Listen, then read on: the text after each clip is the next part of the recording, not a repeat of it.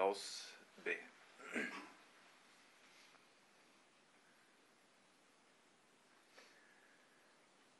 Herre treenige Gud, jeg ber om at du må være oss nær og tale til oss gjennom ordet ditt nå. Og jeg ber om at du må gjøre oss stille, slik at oss kan søke deg, søke deg slik som du er. I Jesu navn. Amen. Den treegne Gud er tema som jeg har. Og det er vel det temaet som jeg er mest glad i å tale om sjøl. Det betyr mye for meg. Jeg har eh, arbeidet med det i mange år. Og jeg kjenner at det stikker nokså djupt i meg, det jeg skal tale om i kveld. Trua på Gud som Far, Sønn og Heilag Ande er helt umistelig for oss kristne. Og likevel så blir dette mysteriet oftest bare forutsett. Det er ofte oss eh, Eller sjelden oss stanser og grunner over det fulle innholdet i mysteriet. Og for mange kristne så ser det ikke ut til å være så mye å hente i treeningslæra. Mange tenker slik som den store filosofen Immanuel Kant. Han sa i 1798 at ut fra treenighetslæren lar det seg slett ikke utlede noe som har praktisk betydning. Og slik tenker nok mange at dette er en heller livsfjern teori som ikke har noe å si for det daglige kristne livet. Og en tenker at trua på Gud og trua på Jesus Kristus ville ikke endre seg om sjølve treenighetslæra falt som teori. Teologen Karl Raner, som døde i 1984, han sa det slik Hvis man måtte gi avkall på læren om treenigheten, så ville det meste av den religiøse litteratur likevel kunne forbli uendret. Denne holdningen er det sikkert mange kristne som har i det daglige òg. Dette er en teori, men det, det, daglige forholdet til Gud har ikke så mye med den læra å gjøre. Men oss stoler på at Gud har mye å vise oss, også om Hans vesen, og at Bibelen har mye å vise oss om hvem Gud er. Ordet treenighet står ikke i Bibelen. Det er et ord som er skrudd sammen som et forsøk på å gripe det Bibelen sier om Gud, i en slags sum. Og ordet er egentlig et forsøk på det umulige treenighet. Å foregne ordet tre og én i ett ord. At Gud er treenig. For å fortsette hyllesten av nynorsken her, så er vel det nynorske ordet bedre enn bokmålsordet. Der heter det 'den treeine Gud', ikke treenige. For saken er ikke at det er tre som er enige, men det er tre som er én. Det er det store paradokset. Mange spotter den kristne true eller vender henne ryggen av denne læra. De sier at hun er ulogisk. Og det er hun vel. Men det er Bibelen som tvinger oss til å si at Gud er tre, og Han er én. De som skrev ned Det nye testamentet, apostlene, de visste godt at Gud er én. I den jødiske truvedkjenningen fra 5. Mosebok 6, 4, så las de det slik som en òg gjør i dag. Hør, Israel, Herren er vår Gud, Herren er én. Dette visste de fra barnelærdom. Og Samtidig så kjente disiplene seg forplikta til å si at Jesus er Gud. Alt der har de da erfaringen at det er en form for fleirskap i Guds vesen. Og det som tvang dem til å si dette, det var sjølsagt at de hadde levd et liv sammen med Jesus gjennom tre fulle år. Og det prega dem. Og i møte med Jesus så hadde de gjort denne helt grunnleggende erfaringen. At her, i dette mennesket, så møter oss virkelig Gud. Og ikke på en halvveis eller delvis måte. De hadde erfart at i Jesus fra Nasaret så har oss på en sann og en ekte måte møtt den levende og evige Gud. Og Dette hadde de erfart av flere ting som hendte. De visste at det er bare Gud som kan byde over naturen, og så skjer det. Profeter kan be om et under. Men de så at Jesus kunne bare by sjøen og bli stille. Og så ble det blikkende stilt på hans eget ord. De visste at det er bare Gud som kan gjøre sjuke friske bare med å si et ord. Profeter kunne be om det.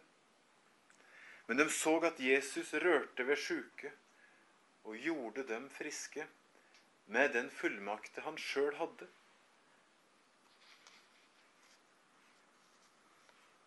Og de visste at det er bare Gud som kan tilgi synd. Mennesket kan be om at det skjer. Men de så at Jesus han så mennesket rett inn i øynene der han var, og sa til dem, syndene dine er tilgjevne.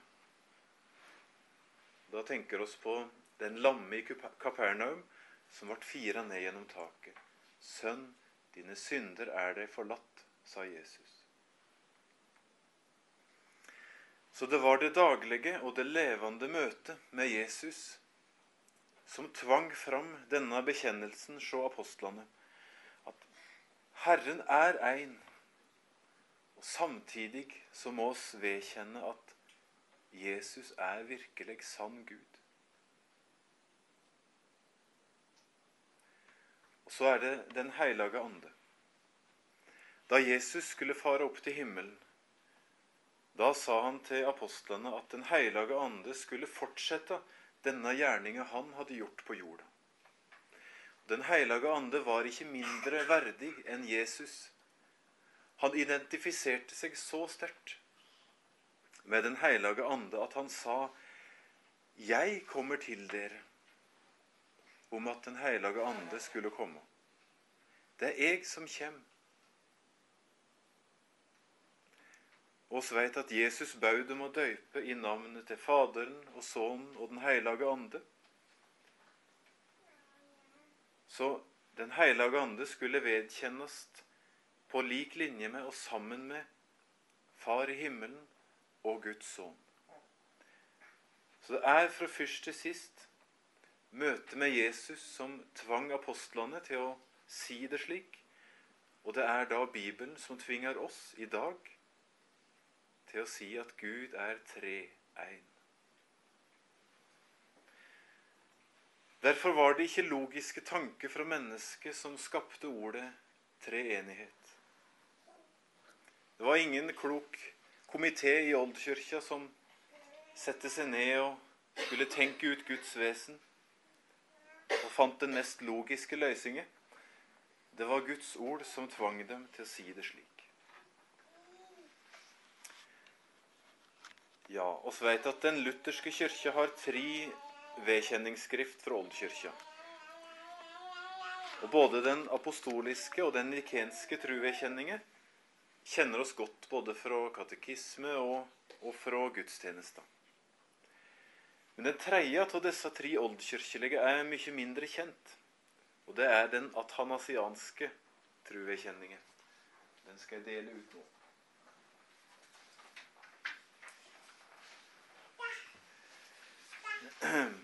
Og ikke bare er eh, navnet langt og vanskelig, Skriftet sjøl er et langt og nokså omstendelig forsøk på å gripe det Bibelen sier om Gud. Jeg må ha et ark sjøl òg, forresten.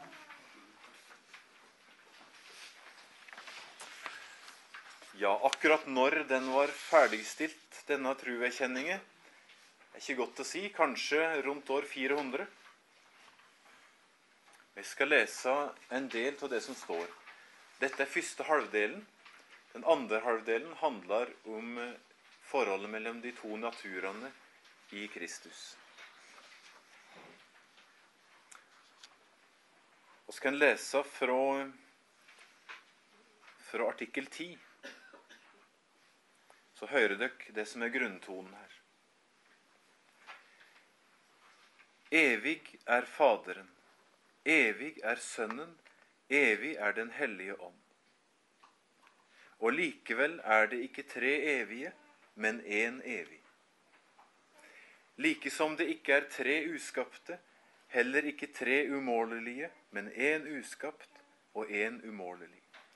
På samme måte er Faderen allmektig, Sønnen allmektig, Den hellige ånd allmektig.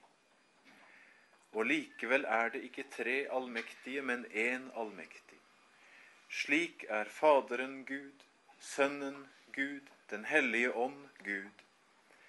Og likevel er det ikke tre guder, men én Gud. Slik er Faderen Herre, Sønnen Herre, Den hellige ånd Herre og likevel er det ikke tre herrer, men én herre. Og dere hører hvordan de kjemper og strever for å si to ting på en gang.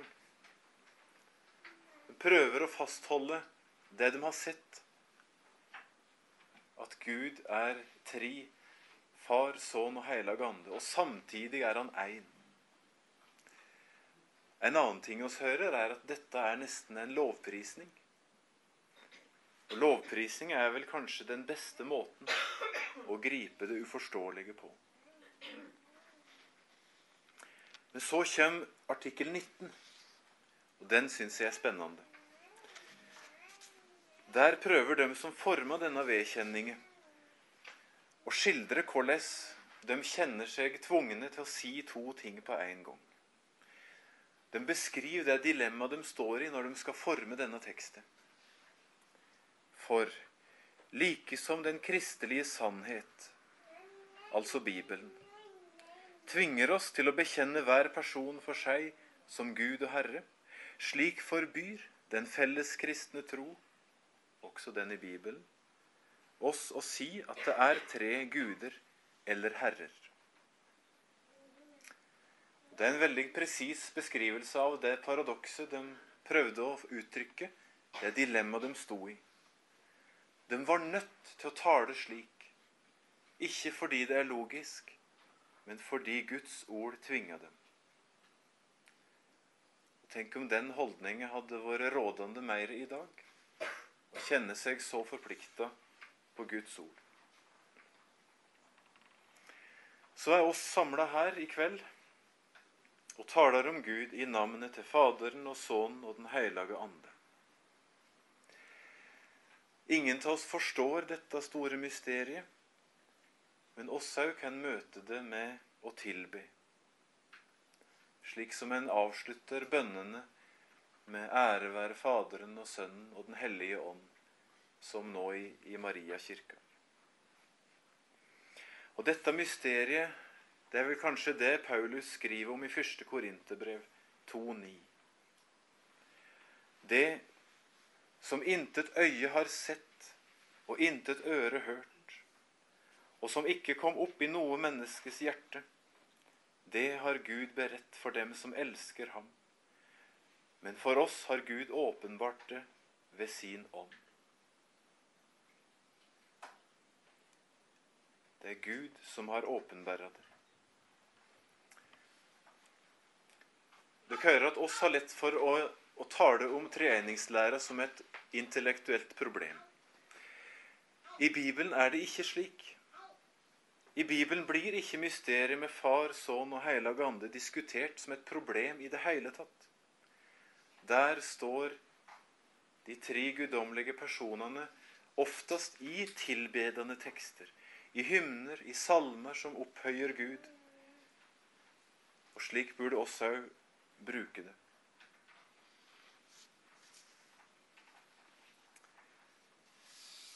Det er viktig å si at de tre personene er ikke tre kostymer for den ene Gud. Nærmest at han kommer oss nær i tre forskjellige forkledninger. Hvis en skal si det mer presist, så må en si at han er nær oss i egenskapen av de tre åtskilte personene som er den treegne Gud. Og slik er han oss nær på tre måter. Og det er godt å tenke på i det daglige kristne livet. At Gud er min far. Gud er den som har skapt meg, som holder livet oppe i meg. Uten at Han holdt livet mitt i si hånd, så ville ikke hjertet mitt slå et sekund til. Det er Han som er så uendelig mye høyere enn meg, som hører mine bønner, og som har omsorg for meg. Så er Gud òg nær meg ved min side, som min bror, min frelser. Guds sønn som har kommet til jorda og ofra seg for mine synder. Som har kommet for å frelse meg. Som daglig er ved min side, samtidig som han sitter ved sin fars høyre hånd og går i forbønn for meg. Gud er kommet så nær meg at han er i meg. Den hellige ande, som har tatt bostad i meg fra dåpen, som tenner truet i meg, som gir meg liv og kraft, som holder meg fast i truet på Jesus. Og uten Den hellige ande så ville jeg ikke kunne be eller tru på Jesus i det hele tatt. Slik skal oss rykke treenignslæra nær. Det handler om det daglige kristne livet. Gud som Far, Sønn og Heilag Ande nær meg på tre måter, ikke som tre forkledninger, men i egenskapen av tre guddommelige personer.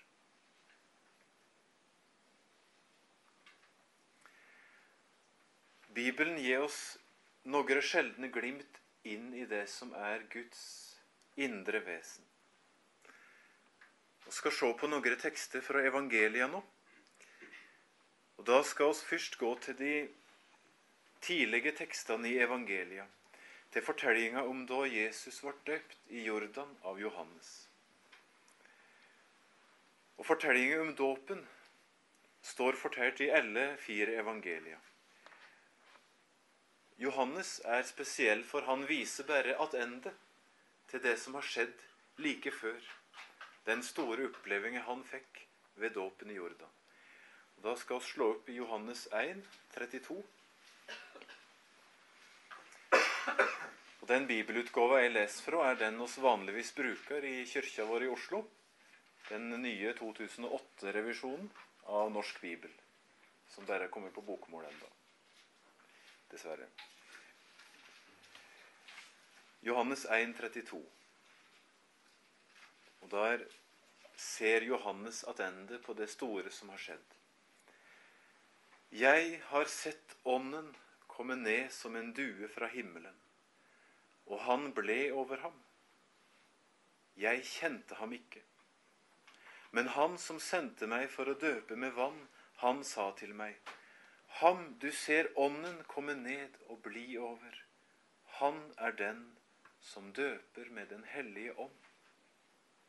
Og jeg har sett det, og jeg har vitnet at han er Guds sønn. Døperen visste ikke hvem Jesus var.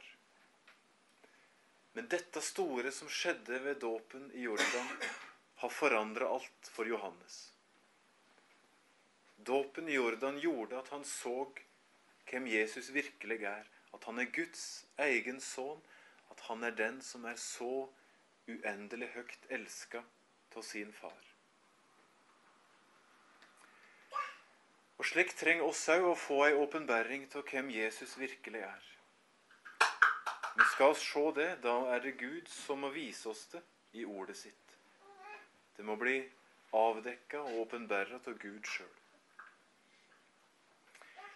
Men dette forandra alt for Johannes. Gudsbildet hans ble helt nytt da han så hva som skjedde ved Jesu dåp. Og skal lese videre fra Markus 1, vers 9-11.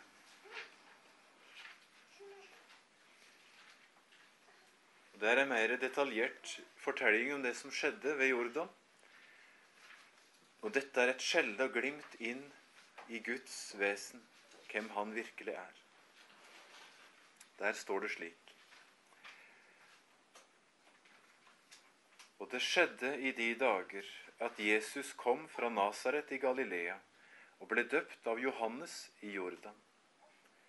Straks han steg opp av vannet, så han himmelen åpne seg, og ånden komme ned over ham som en due. Og det lød en røst fra himmelen. Du er min sønn, den elskede. I deg har jeg velbehag.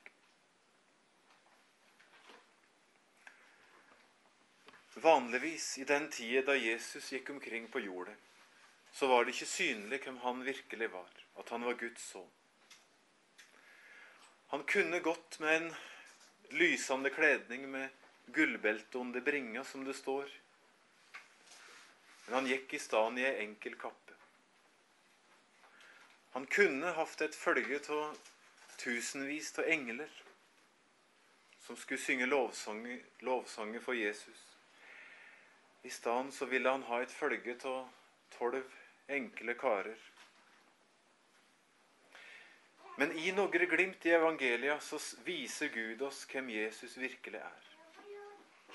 Først da englene sang utafor Betlehem, da Jesus ble født. Så på fjellet der han ble forklara for, for øynene deres. Da så de det lyste til han, og han tala med Moses og Elias. Og så er det her ved Jordan. Og jeg tenker dem som sto der og så det Det er ikke rart at Johannes fikk alt forandra ved denne opplevingen. Himmelen åpna seg. Den hellige ande kom og, og peka ut Jesus. Så kom stemma fra det høye fra Far i himmelen. Du er sønnen min, den som jeg elsker så høyt. Hvordan er det oss tenker oss Gud vanligvis? Hvordan er det mennesket i dag tenker seg Gud? Mange tenker på Gud som den ene, den litt fjerne, ensomme monarken langt ute i verdensrommet. Den utilnærmelige Gud, den ensomme Gud, kanskje.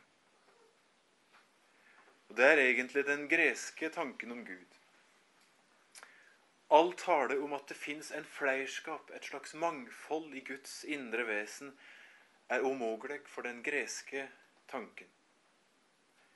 Det er en utålelig tanke at Gud skulle ha en sønn som er hans like. Men dette gudsbildet er vel vanlig blant det jevne nordmenn òg. Artisten Ole Paus har skrevet noe slikt jeg siterer etter hukommelsen, men jeg tror det stemmer. Han har skrevet Og lengst borte, i den fjerneste av alle himler, sitter Gud og ser jorden som en liten, svart stein i det fjerne. Og han stryker sitt veldige skjegg og sier langsomt til seg selv, Jaså, så det bor folk der ennå. Slik er det mange som ser for seg Gud. Ei følge av denne måten å tenke seg Gud på er at vårt menneskeverd blir redusert. Jeg skal prøve å forklare den tanken. Denne tanken om Gud som den ene og den ensomme, det impliserer jo at Gud skaper oss mennesker for å få noen å elske. For å ha noen ved sin side å være glad i. Og det har han ikke hatt før. Så han skaper oss fordi han er ensom. Og det reduserer vårt menneskeverd på den måten at, at oss blir bare et middel for at Gud kan få tilfredsstilt sitt behov for selskap. Og Det er ingen god tanke. Men i Bibelen møter oss et helt annet og mye rikere og større bilde av Gud. Bibelen sier at Gud er den som elsker. Han er den som har elska fra evig tid. Det var ikke noe han begynte med da mennesket ble skapt. Han har elska fra før tida tok til. Og Gud har fra evig tid vært en far som elsker Sønnen i Den hellige ande. Og denne treenige er Gud. En far som elsker Sønnen i Den hellige ande. Og dette er Gud. Og Denne treegne kjærleiken har vært der fra før oss var påtenkt, før oss var skapt, fra evig tid. Så far og sønn i Den hellige ande har fra evig tid ført denne kjærleikssamtala seg imellom. Du er sønnen min som jeg elsker. Og sønnen har svara attende, ja, far. Og dette er det vi ser i Jesu forhold til sin far i himmelen, og som blir synlig ved dåpen. Gud er en far som elsker sønnen sin i Den hellige ande. Og plutselig blir det synlig, og de kan høre det ved dåpen i Jordan. Da slår det gjennom. Denne kjærleiken blir synlig. Himmelen åpna seg. Farsstemma kom fra det høge, som han alltid har sagt fra evig tid. Du er min sønn, den elskede, i deg har jeg velbehag. Og Den hellige ande kom ned som kjærleiksbåndet mellom de to. Gud har ikke begynt å elske i vår tid. Han har elska fra evig tid. Kirkefaderen Augustin så en parallell til dette forholdet, eller en utlegging av det, i det som Johannes skriver i første brevet sitt. Jeg tror det er i 4.16 i første Johannes brev. Der står det ei kort setning. Gud er kjærleik. Ja, hvis Gud er kjærleik, sa Augustin, så er det jo nettopp innlysende at han må være treenig. For der det er kjærleik, så må det finnes i hvert fall tre ting. For det første, det må finnes en som elsker.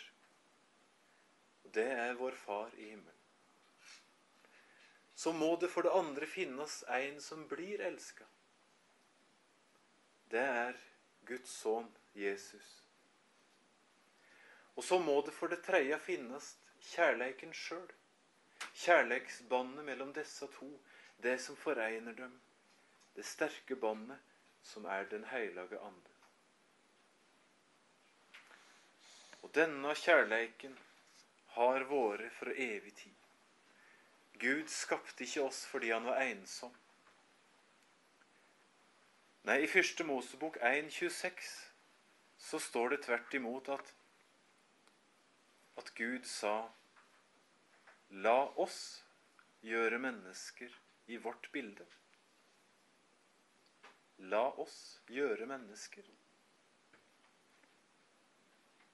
Det kan være det du kaller en majestetisk flertall. Men jeg tror det avslører at da mennesket skulle bli skapt, så var det ei beslutning i Guds innerste vesen, i denne evige kjærleiken mellom Far, Sønn og Hellige Ande, å skape mennesket. Ikke for å begynne å elske, men for å la oss bli lukka inn i den evige kjærleiken som er Guds vesen. At oss skulle slippe inn i den evige kjærleiken som alt fins der mellom far og sønn i Den hellige ande. Derfor, det som skjer når et menneske blir døpt og får lov til å bli et Guds barn, er ikke at Gud begynner å elske eller finne på en ny kjærleik. Det som skjer, er at et menneske får lov å komme inn i denne guddommelige kjærleiken som har vært fra evig tid. Og en blir elska med den samme kjærleik som Far i himmelen har til sin sønn. Den kjærleiken som viste seg ved Jordan, du er min sønn, den blir nå retta mot alle Guds barn, mot alle dem som blir døpt og får lov til å leve i trua og bli Jesus små brødre og søstre. Og for å bli i bildet fra dåpen ved Jordan, da er det oss som plutselig får lov til å stå ved Jesus side på bredden av Jordan. Og vår fars stemme lyd over oss. Det han sier til sønnen, sier han òg til Jesu brødre og søstrer. Du er mitt barn, som jeg elsker. Da gjelder det oss òg. Og hva skal en svare på slikt? Det eneste rette tilsvaret på slike ord, du er mitt barn, det må jo være å si ja, du er min far. Det rette svaret må jo være å kalle Gud far. Og Det fins et ord for denne posisjonen i Bibelen, og det ordet er barnekår. Og har fått som rett, som posisjon som barn i huset. Det er ingenting mindre enn dette store, og har fått retten til å kalle Gud vår egen far. Og få si det samme til Han i den høge himmelen, som Jesus, hans egen sønn, sier, og få kalle han far. Apostelen Johannes skriver det i evangeliet sitt, i 1.12. Alle dem som tok imot ham, dem ga han rett til å bli Guds barn, de som tror på hans navn.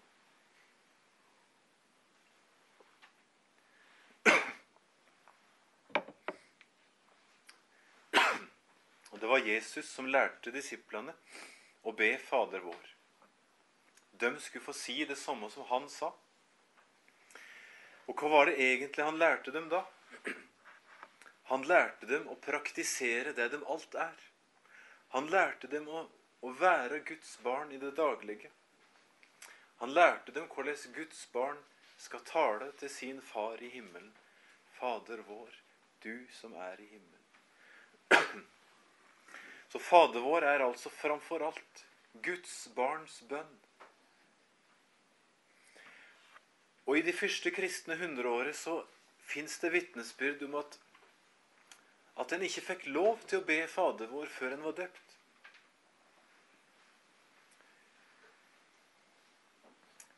Kyprian av Kartago skriver ca. år 250 noen ord fra den kristne dåpsliturgien. Han forteller hvordan en dåp foregår da.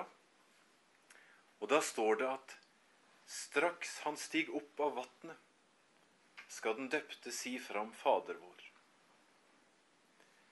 Og du hører hvor lik ordlyden er Jesu dåp. Straks han steg opp av vatnet. Samme formulering, men nå brukt om den døpte. Så skal han framsi Fader vår, du som er i himmelen. Og en finner det på lignende måte hos Johannes Krysostomos på slutten av 300-tallet.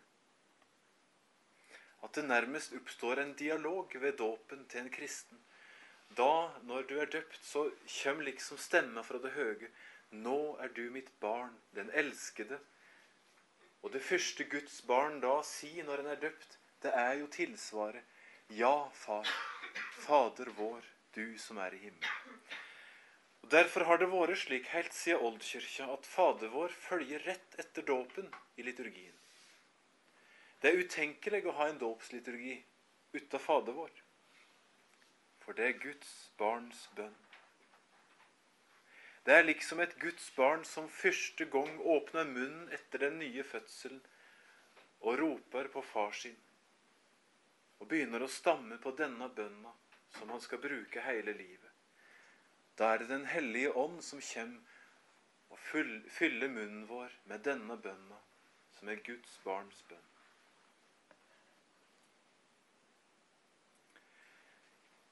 Det fins enda tidligere nedslag av at en har sett en parallell mellom Jesu dåp og den kristne dåpen. At det Jesus blir kalla ved dåpen, det blir nå overført på de kristne. Alt de to av breva som Ignatius skrev rundt år 110, så ser oss at den kristne kyrkja, den kristne forsamlinga, blir kalla for Den elskede. Det er ikke noe dårlig navn. Den elskede. Det var det Jesus ble kalla ved dåpen i Jordan. Nå er det de kristne som får lov til å bære dette heidersnavnet. Det er du som er elska med denne kjærleiken, som nå ikke bare er retta mot Jesus, Guds sønn, men mot alle Jesu brødre og søstre.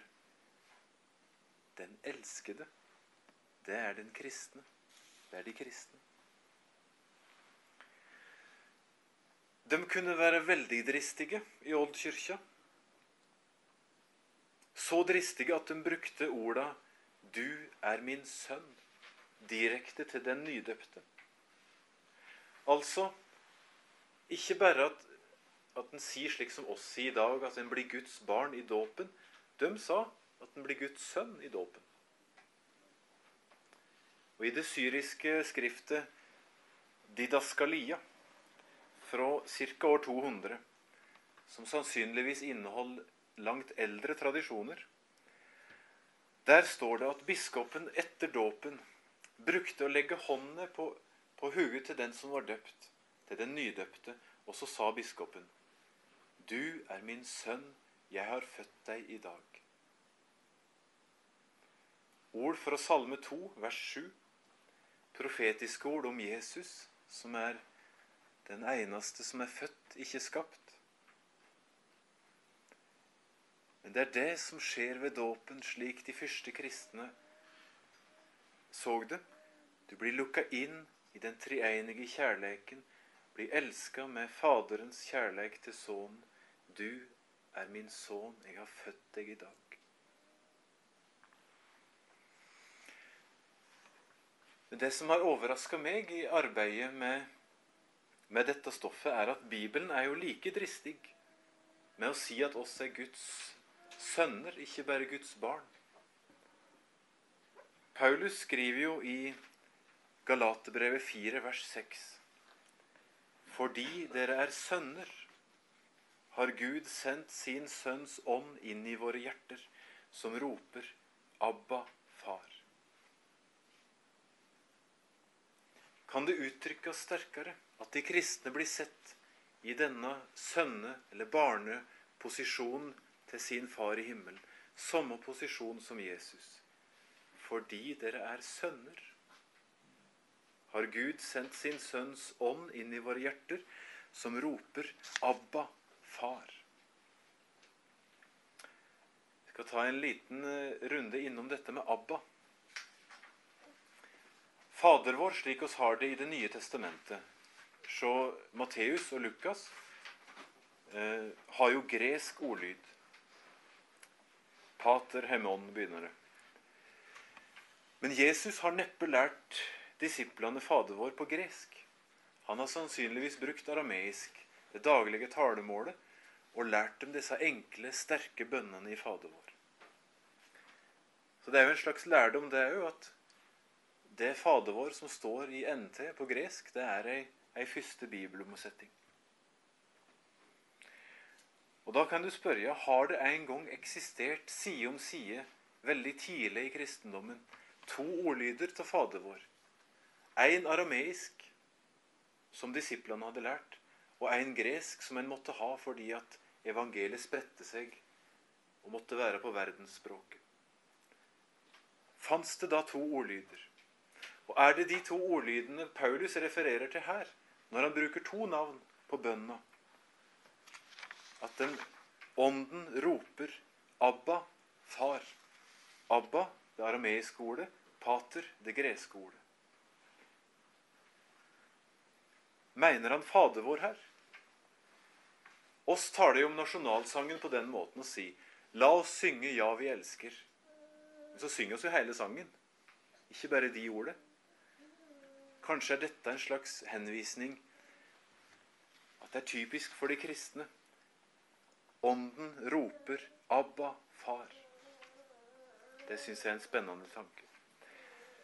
Og I regi av Bibelselskapet fikk jeg være med på en reise til Syria. Og var i den eneste landsbyen i verden der de enda bruker arameisk. En landsby som heter Malola. I hvert fall den eneste kristne landsbyen. Og der hørte presten i kirka der ba Fader vår på arameisk, det språket Jesus brukte. Visst har det sikkert forandra seg, men det er likevel det nærmeste oss kjem ordlyden på Fader vår slik Jesus brukte det. Og jeg fraus på ryggen da jeg hørte presten innleda bønna med Åba. Det er Abba. Det ordet starta det arameiske Fader vår. Det er Den hellige ande som gjør at oss ber slik og kaller Gud Far, Fader vår, du som er i himmelen. Ja, dette er jo ganske sterke symbolhandlinger. Å kalle de kristne for den elskede, som Jesus blir kalla. Å kalle de kristne for Guds sønner, det samme som Jesus blir kalla. Men dette vitner om én ting. Disse tidlige kristne visste at det å få være et Guds barn, det er å være plassert midt inn i sentrum av den guddommelige kjærleiken mellom far og sønn i Den hellige ande. Det er å vite med seg sjøl at for Jesus skyld så får jeg være en Jesu bror eller søster, og høre det samme bli sagt til meg fra det høge som ble sagt til Jesus, du er mitt barn, den elskede. Og Da trenger vi å øve oss i dette og vite at oss er elska på denne måten, og svare med å kalle Gud vår egen far. Og det kan oss ikke ta oss sjølve. Bibelen understreker at det er bare Guds hellige ande som kan vise oss dette, hvor stor og rik en posisjon oss har fått som Guds barn. Dere fikk jo ikke trelldommens ånd, så dere igjen skulle frykte skriver Paulus i Romerbrevet 8, 15. Men dere fikk barnekårets ånd, som gjør at vi roper Abba, Far. Ånden selv vitner sammen med vår ånd at vi er Guds barn. At vi er Guds barn. Mange føler at de ikke tør å tale slik om seg sjøl. Men kjenner det sjøl. En ser så mye synd og så mye halvhet og lunkenhet i sitt eget hjerte at mange kristne er redde for å hykle og tør ikke kalle seg for Guds barn. Og mange lever som truende kristne i årevis, kanskje et helt liv, men likevel uten å våge å bruke de ordene om seg sjøl, at det er Guds barn, at det står i den treegne kjærleiken. Men det er Guds ord som sier det, at alle dem som tok imot ham, altså Jesus, dem ga han rett til å bli Guds barn, de som tror på hans navn. Du har fått retten til det. Du har fått lov til Jesus til å si det. Det er barnekår. Og der kommer alt bare an på Jesus og ikke på oss, at han regner oss som sine søsken ikke på hvor flotte oss er. Det er Han som gjev oss og deler med oss den retten som egentlig var bare hans rett. Retten til å kalle Gud i himmelen for far. Dem ga han rett til å bli Guds barn. Ikke bare til å kalle seg det og bruke det som en litt påhengt tittel, men at oss får lov til å være det regne oss for det at det er sant.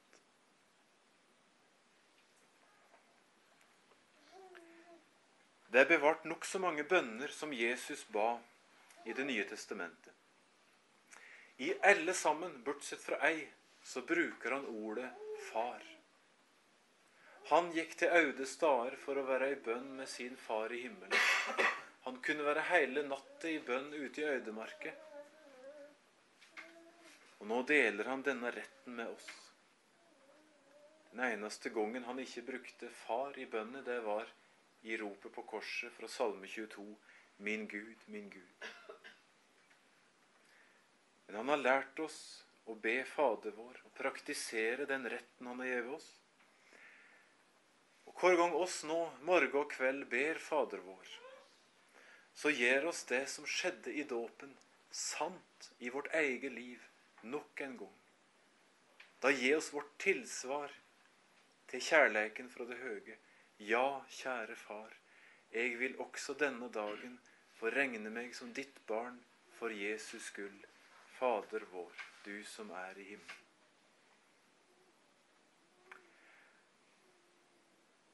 Jeg har tenkt meg hva ville skjedd hvis jeg troppa opp på Slottet og krevde å få komme inn og tale med kongen.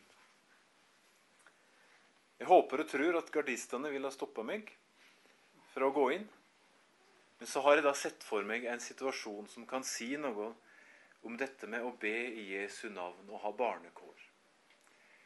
Hvis jeg da hadde med meg et dokument der det sto 'Dette er en av mine venner, jeg går god for han', så hadde underskrevet med Håkon, kronprins og stempel og segl og greier, så kanskje jeg ville slippe inn. Det er et dårlig bilde, for jeg tror ikke kong Harald ville lytta like intenst på meg som han hører på sønnen sin. Men bildet skjønner du. Når oss ber, så praktiserer oss denne retten oss har fått, barnekåret. Og vår Far i himmelen vil høre på oss. Ikke fordi oss er så veldig flotte, men fordi oss kjenner sønnen hans. Og han går god for oss. Og han har delt med oss den kjærleiken han sjøl blir elska med. Og i bønnene så kan òg Den hellige ande komme oss til hjelp med sukk som ikke kan rommes i ord. Slik er hele vårt liv nå innvevd i den treegne Guds vesen. Oss kjem til vår Far i himmelen gjennom Jesus, Hans Sønn, i Den hellige ande. Han er nær meg slik, som tre personer i én guddom. Jeg skjønner det ikke. Og jeg hører at filosofene og de kloke, de klager på dette. Jeg for min del er glad for at det er slik. Jeg vil tro på denne Gud, og jeg syns det er stort, og det er rikt. Så da vil jeg avslutte med lovprisningen. Ære være Faderen og Sønnen og Den hellige ånd, som det var i begynnelsen, så nå og alltid og i all evighet. Amen.